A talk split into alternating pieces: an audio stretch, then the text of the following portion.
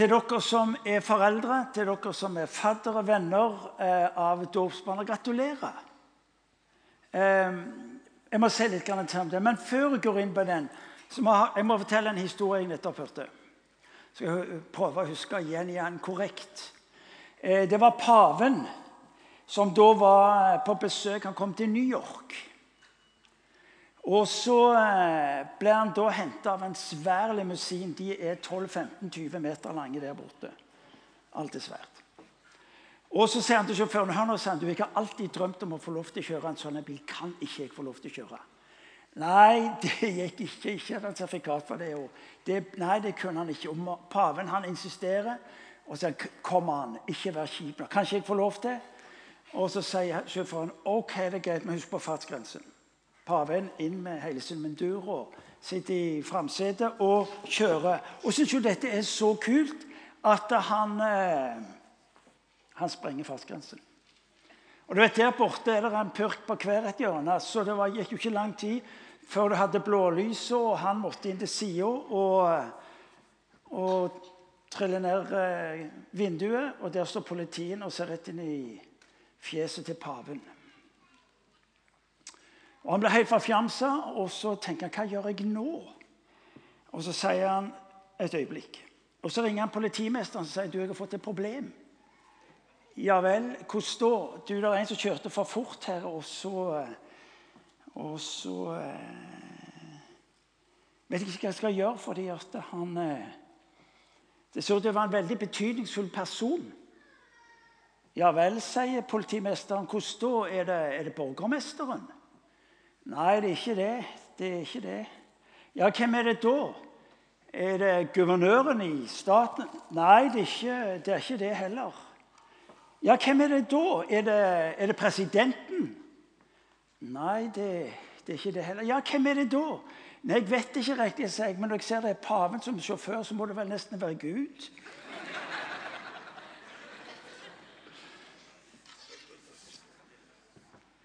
Utrolig hva som blir sagt. Eh, dåp. Hva er dåp? Det, det, er det store dåpsbassenget. Forresten, eh, Dere må få historien på det dåpsbassenget. fordi at eh, da vi i sin tid skulle, når vi bygde kirka, så ville vi ha en dåpspraksis som vi tror reflekterer det som var praksis i, eh, før i tida. Og det er jo festlig og mye vann og alt det der.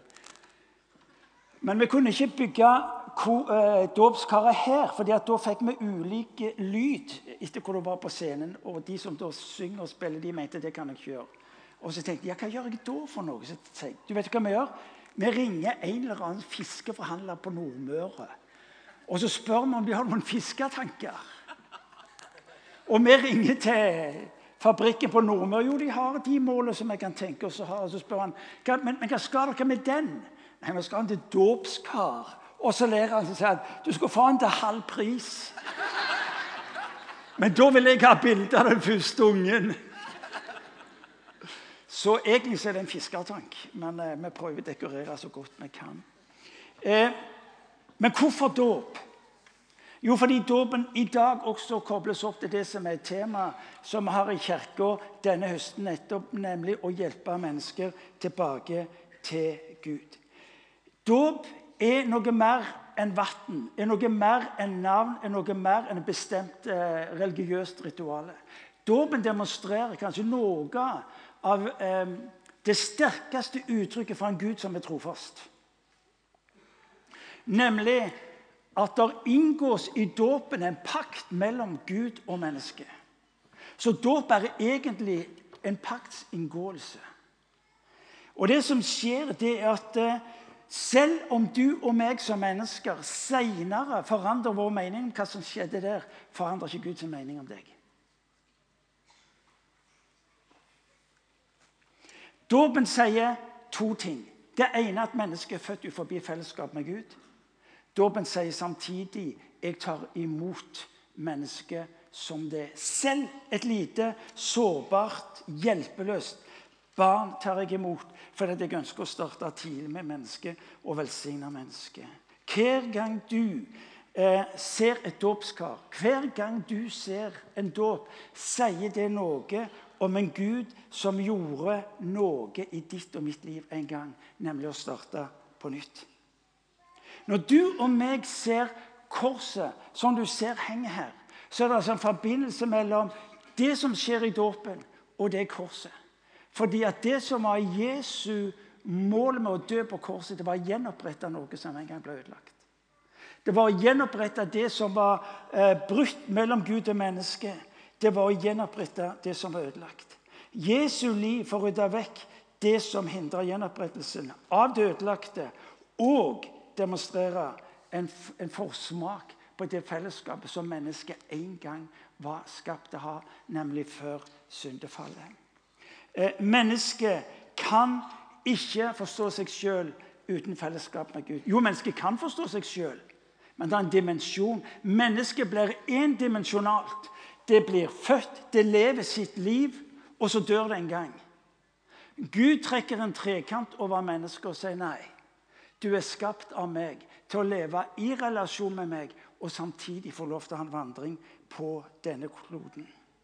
Et nøkkelord i Bibelen er altså frelse. Og nå vil jeg du skal få tak i dette. For, for, mennesker, spesielt vi som er kristne, har hatt en hang til å få tak i hva vi er frelst fra. Dåpen sier primært hva vi er frelst til. Frelst til fellesskap med Gud. Fellesskap med en Gud som har et liv for oss, som vi skal få leve i. Eh, alle jødiske guttebarn står det ble omskåret på den åttende dagen. Vi har det nøkternt normalt sett mellom tre måneder til et barn er født. Så døyper vi ungene våre. Dåpen sier noe om en paktsak. Om Guds paktsinngåelse med mennesket. Dåpen er bildet hør nå, på Guds kjærlighetspakt med deg og meg. Og så må jeg få lov til å si, og det skulle bare mangle ikke det skjer i vår kirke Ikke reduser dåpen til noe du bestemmer deg for. For dåpen handler dypest sett ikke om deg. Dåpen handler ikke om din bestemmelse, din visshet om, din bevissthet på. Dåpen handler om en Gud som tar i dåp. Dåp er ikke så mye hva du gjør, som hva du mottar. En gang til. Dåp er ikke så mye hva du gjør, som hva du får lov til å motta. Det er han det handler om. Det er du som får ta imot eller bli tatt imot. Folk sier ja, men et lite barn kan ikke tro. Hva er tro? Tro er å la Gud få lov til å ta imot deg. Det skjer ved barn som ikke har bevissthet på hva som skjer. Men det skjer også i ungdom eller i voksen alder. Tro er ikke primært det du fikser, og det du forstår og det du klarer å holde sammen. Tro er primært å la Gud få lov til å være Gud i livet ditt.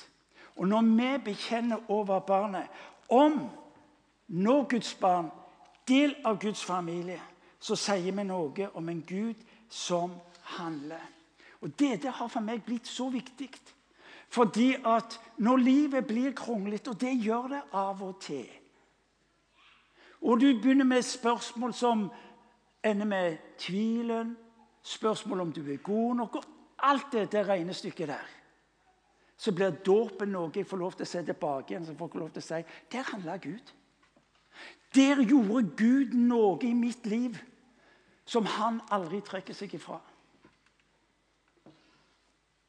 Dåpen minner meg at selv om jeg sliter med mitt liv og troen på Han, sliter ikke han med troen på meg. For han har bestemt seg for å fullføre det han har begynt på i ditt liv. Det der er ikke småtterier. Det der er ikke småtterier. Vi har en sånn ubendig trang til å gjøre altså kristen tro og kristenliv til spørsmål om hva jeg fikser, får til og klarer å holde sammen. Men det å være en Jesus-etterfølger er nettopp å være en Jesus-etterfølger. Å få lov til å være med på det han holder på med. Så det er all god grunn for oss lutheranere å si et høyt halleluja.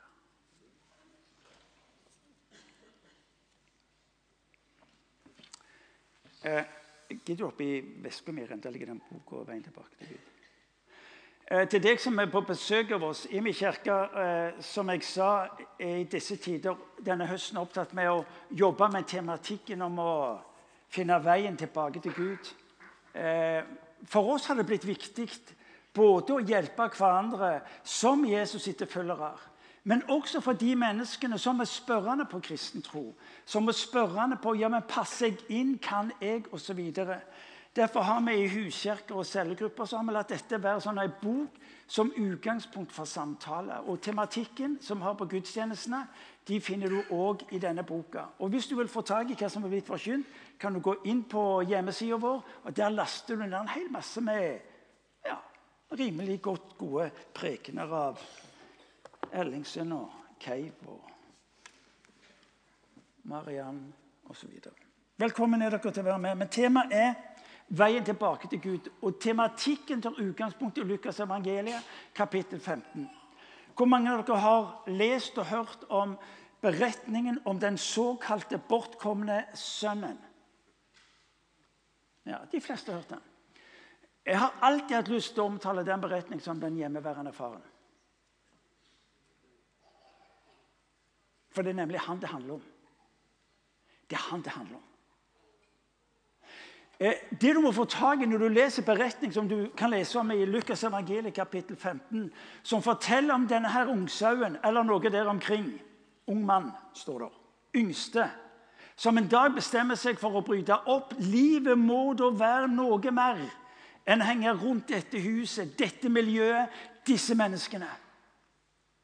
Og Så bryter han opp, tar alt han har, setter det inn på én konto og ender opp et sted hvor han altså har nok penger, nok makt og nok av det såkalt rette miljøet.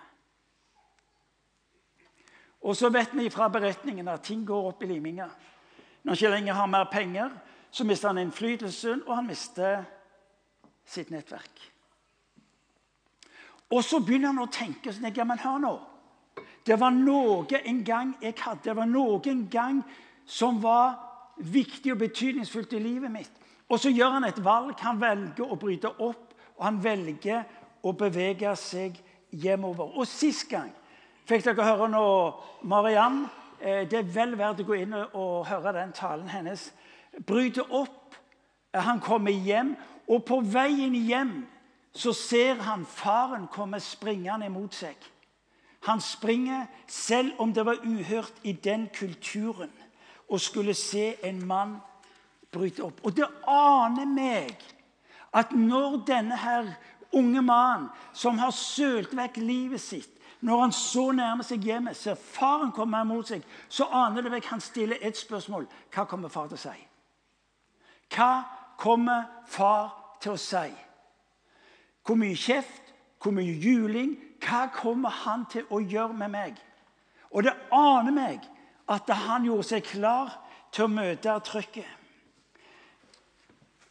Han brøt opp en dag ifra farshuset. Og vi leser at han en dag bryter opp ifra det som var søppelet, for å bevege seg hjem. Farens respons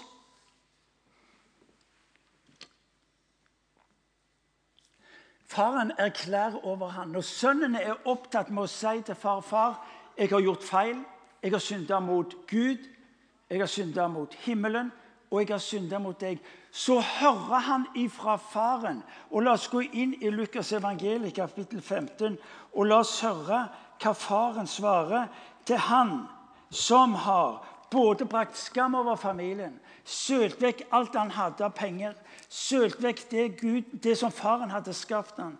Og så lyder det fra faren.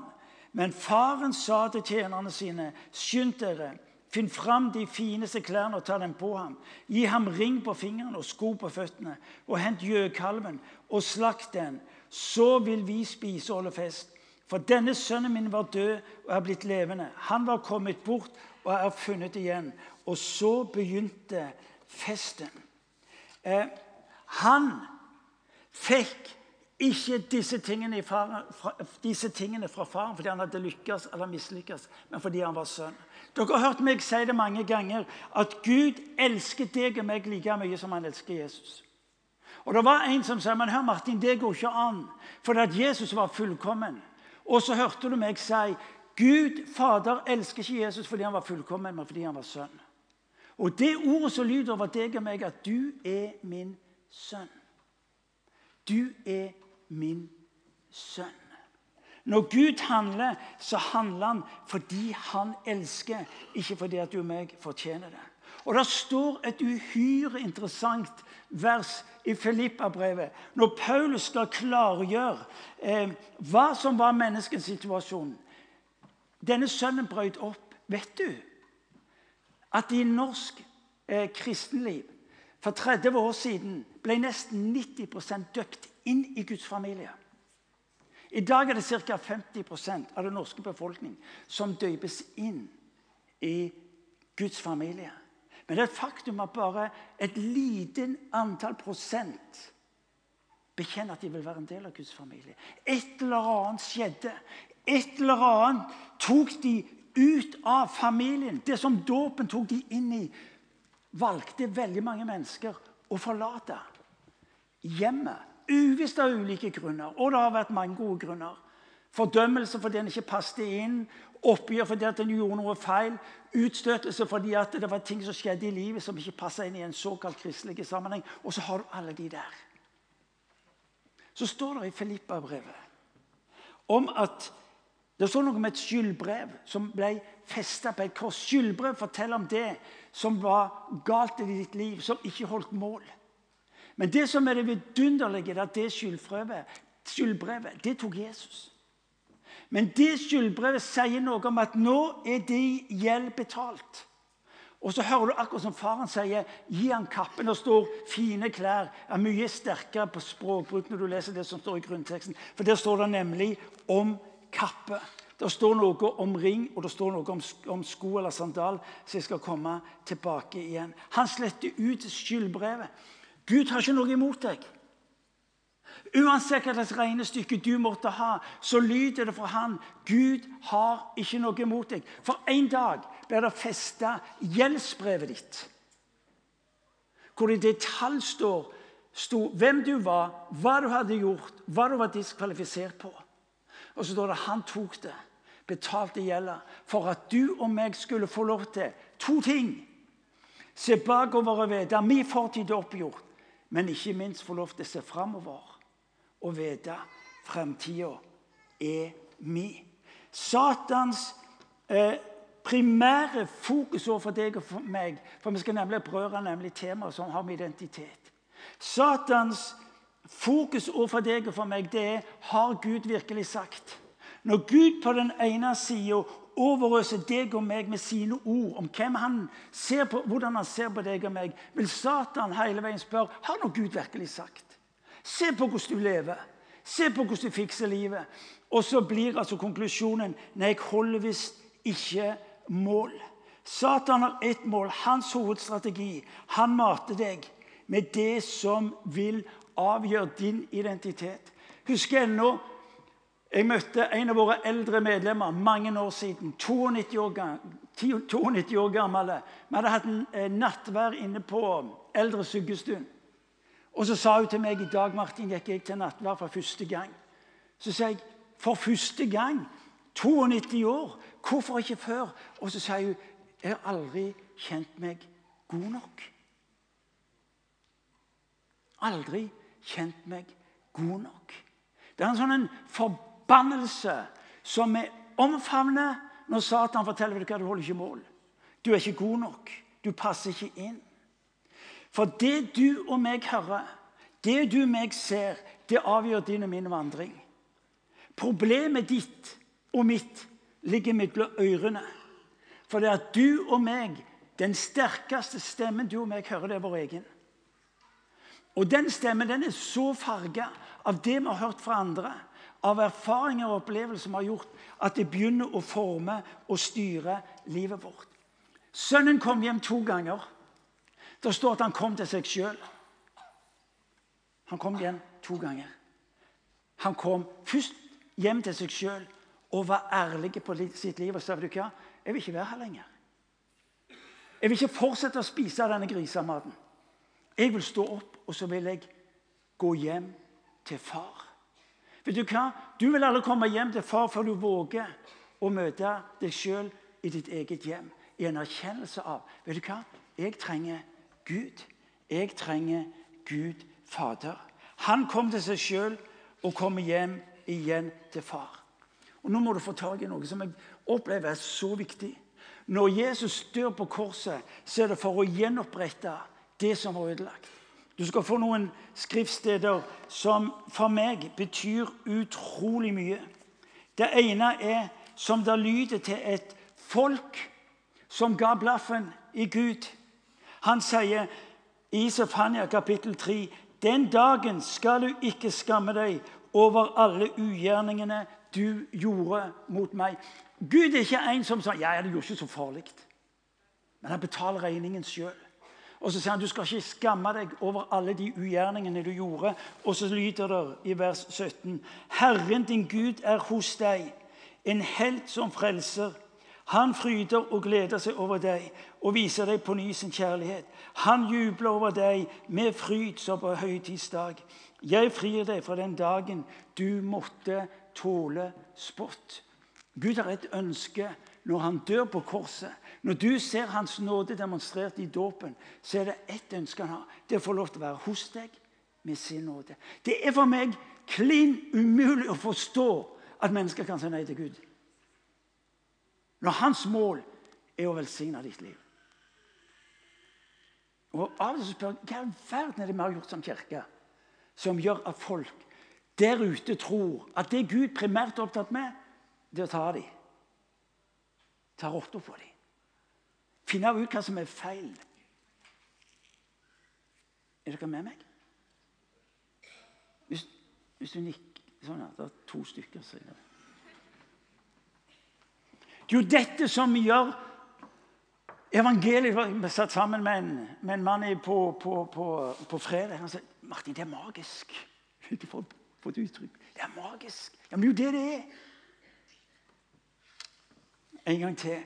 Den dagen skal du ikke skamme deg over alle dine misgjerninger du gjorde mot meg. Hva var den unge manns bekjennelse? Jeg har synda mot Gud, sa han, og mot deg. Jeg ønsker å være hos deg. Faderens sang som lyder over deg og ditt liv. Han ønsker å synge over deg. Han ønsker å synge sine kjærlighetssanger over deg. Han ønsker å være hos deg.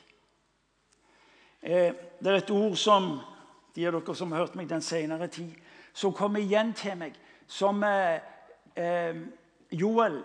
Det er, igjen går vi tilbake til første del i Bibelen. Eh, profeten Joel, som har domsord til sitt folk fordi de, de lever i opprør mot Gud. De gjør alt det galne som de ikke skal gjøre. Det velger de å gjøre. De har på et vis brutt opp og ut av relasjonen. Og så lyder det fra Gud Jeg gir dere igjen for årene da den svermende, den hoppende, den gnagende, den tyggende gresshoppen åt min store hær, som jeg sendte mot dere. Der er en guddommelig rettferdighet som du og meg ikke får tak på. Det at når han har et oppgjør med sitt folk, om at de gresshoppene som øler avlingen deres fordi dere valgte ondskapen, dere skal få igjen av min godhet og min nåde. Det er evangeliet, folkens.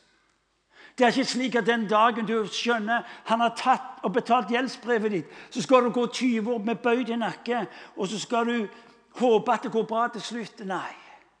For i det øyeblikket han tar ditt gjeldsbrev og utsletter det, og så er det ikke mer imot deg, det er ingenting lenger som skiller oss, så skal du jo få lov til å vite han har ett ønske. Det å gi tilbake igjen av sin guddommelige velsignelse. Og Dere må få et vers til det er klart dere må det. Paulus sier i Feserbrevet kapittel 1.: Velsignet er Gud, vår Herre Jesu Kristi Far han som i Kristus Jesus har velsignet oss med all åndens velsignelse i himmelen. Kristendom handler ikke om deg, det handler om Han. Kristendom handler ikke om du klarer å holde livet på stell. Men om han kan få plass i ditt liv til å velsigne deg Du er velsigna med all. Hva betyr all? All. Det står ikke det at han har velsigna deg med all eh, velsignelse hvis du får livet til. Gjør de rette tingene, holde deg på plass osv. Han vil alltid være hos deg der du er, for å berøre deg med sin velsignelse. Det er ikke slik at han gir deg en bruksanvisning så sier han, når du har gjort det rette, da snakkes vi. Nei.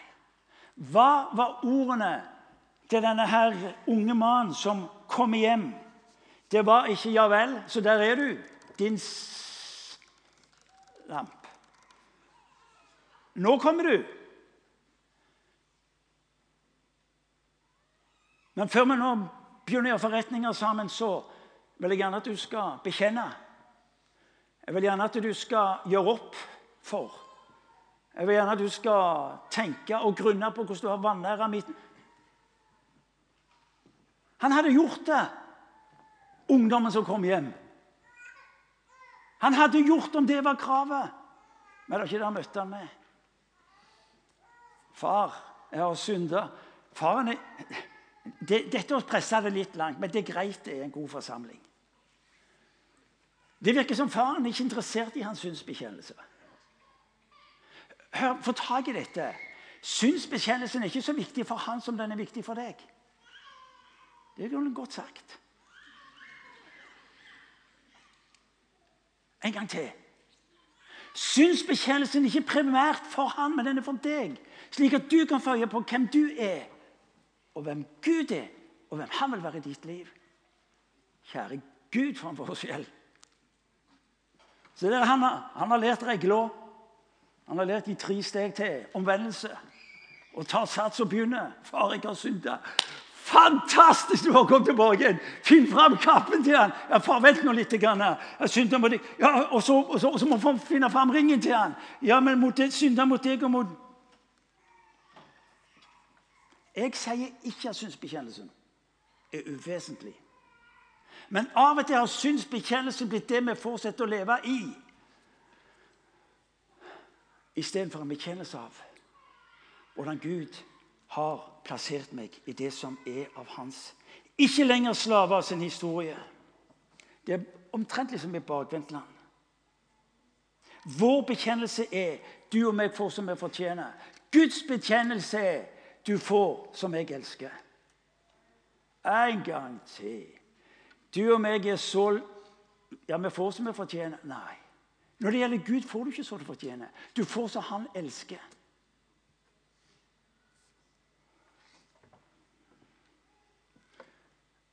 En gang til. Du får ikke så du fortjener. Du får så han elsker. Hører du det? Står der barnet i barns munn, sier han, så har han beredt sin lovsang. Det er evangeliet.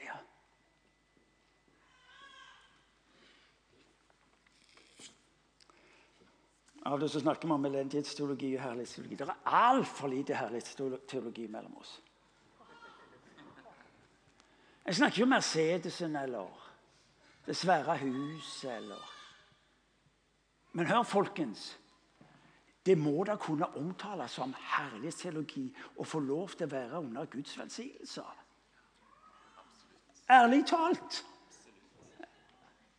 Du er velsigna med all Hva var det all betydde? All velsignelse. Og så er vi bekymra for å kalle det for herlighet. Herlighet.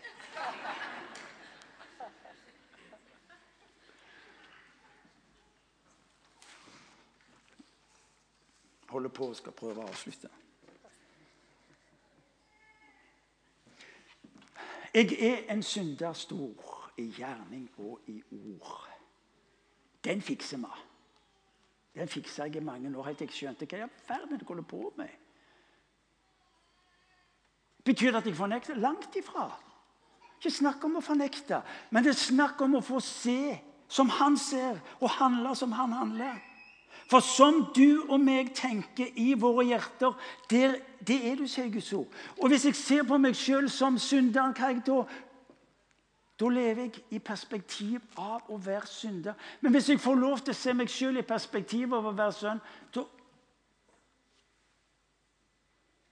Ikke sant, vel, Janne Karin? Hun tørka seg i pannen, for hun tenkte dette blir, dette blir heftig.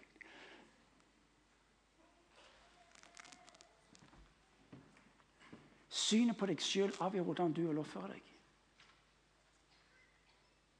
Hvis du ser på deg sjøl som sønn, så vil du oppføre deg sjøl som sønn. Din identitet er sønn. Betyr det at jeg ikke er synd? Og det er ikke det jeg sier. Men jeg møter synden i mitt eget liv og syndens utfordringer rundt meg som sønn. Han snakker om barnekårets ånd i Romerbrevet kapittel 8.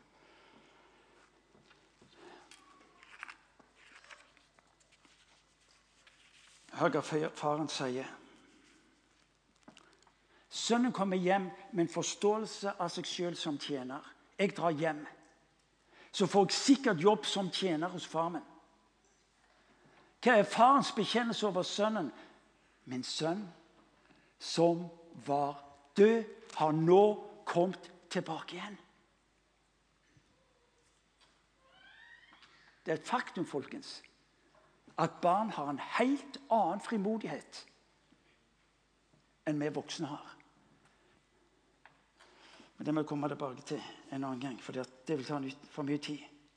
Men sønnen hadde altså egentlig mista sin egentlige identitet. Livet hadde skapt hos han et bilde av seg sjøl som det feilende, som det syndige, som det nederlagsprega mennesket. Og han sier, fortjener ikke lenger å være din sønn'. I Guds øyne var ikke forståelsen forandra. Han er min sønn. Han var død, men nå har han kommet tilbake igjen. Tre ting. Finn fram kappen, den beste kappen. Skriften sier noe om at faren sier til tjenerne 'La han få min kappe'. La han få min kappe, som representerer beskyttelsen, hvilen, at han er hjemme. Gi han ring. Gi han ring på fingeren. Ringen betydde myndighet, betydde autoritet inn i den jødiske tradisjonen. Det betydde han overtok, hadde tilgang til, kunne gjøre seg bruk av alt det faren eikte. Hver gang han så på ringen, så visste han jeg har tilgang til alt det min far har. Og så er det sandalene. Det var huseierne. Det var de som var i posisjon, som gikk med sko. Tjenere og slaver de gikk barbeinte. Ta på han skoene, sandalene. Det som han sier 'Velkommen hjem, sønn'. Velkommen hjem. Gavene uttrykker at du og meg er sønn. Hør nå her du sitter.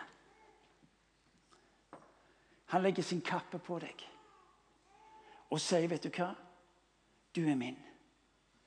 Under denne kappen så kan du se ut som du vil, men med kappen over deg er det ett budskap som lyder, 'Du er min sønn'. Ringen betydde du har tilgang til alt det jeg representerer av makt og autoritet. Og sandalene de sier noe om plassen i hjemmet. La oss ha fest. Tre setninger. Gud gir deg ny identitet. Identitet betyr en ny selvoppfatning med konsekvens for en ny livsstil. Identitet betyr måten du ser på deg sjøl på og lever det ut på. Du kan fortsette å ha en bekjennelse som henter impulsen fra ditt eget hjerte eller fra omgivelsene eller fra det folk sier til deg. Eller du kan la Gud få lov til å tale sitt ord inn i ditt og mitt liv. Og hva var det jeg sa? Herren din Gud er hos deg. Du skal få igjen for de årene som du klarte å sylle vekk og ødelegge, fordi at jeg vil velsigne deg. Du hørte jeg sier til deg du er velsigna med all åndelig velsignelse i himmelen. Du har Alt det du trenger. Hva er det vi hører? Hva er det vi bekjenner? Selv oppfatningen din. Sørg nå for at den øser ifra Bibelen, Guds ord, hans sannhet om deg. Og du vil få et liv som har betydning innover og utover. Vet du hva jeg syns er så fantastisk? Det er at denne beretningen gir oss farens bekjennelse på sønnen. Det er faren som bekjenner over sin sønn. Og det er Gud Fader som bekjenner over deg og meg. Du er min sønn. Du er min datter. Når jeg dør på korset, så er det for at du skal vite at du er min sønn. Du er min datter. Det er Jesus som forteller historien. Han forteller det til de såkalte perfekte. Det er Jesus som forteller denne historien om deg og om seg sjøl. La oss be. Kjære Herre Jesus Kristus. Takk fordi du gir oss del i sannheten om deg. Du omtaler deg som veien, sannheten og livet. Far, jeg ber for oss som sitter her i kirka denne formiddagen. Far, du ser hvor lett vi tror løgnen. Så lett vi tror det er ingen vei tilbake. Så lett vi tror at det er ingen tilgivelse. Det er ingenting som møter oss i den situasjonen vi er i. Herre, jeg ber om at du skal la oss få lov til å starte på nytt på vandringen tilbake. Enten det er mennesker som for lenge siden vendte deg ryggen og på et vis hadde gitt deg opp, men også herre, de mange av oss herre, som bare var glidd tilbake og forsvant inn i et eller annet. Herre, jeg ber om at du skal la oss få lov til å møte og erfare din nåde. Herre, vi ber om det i ditt navn. Amen.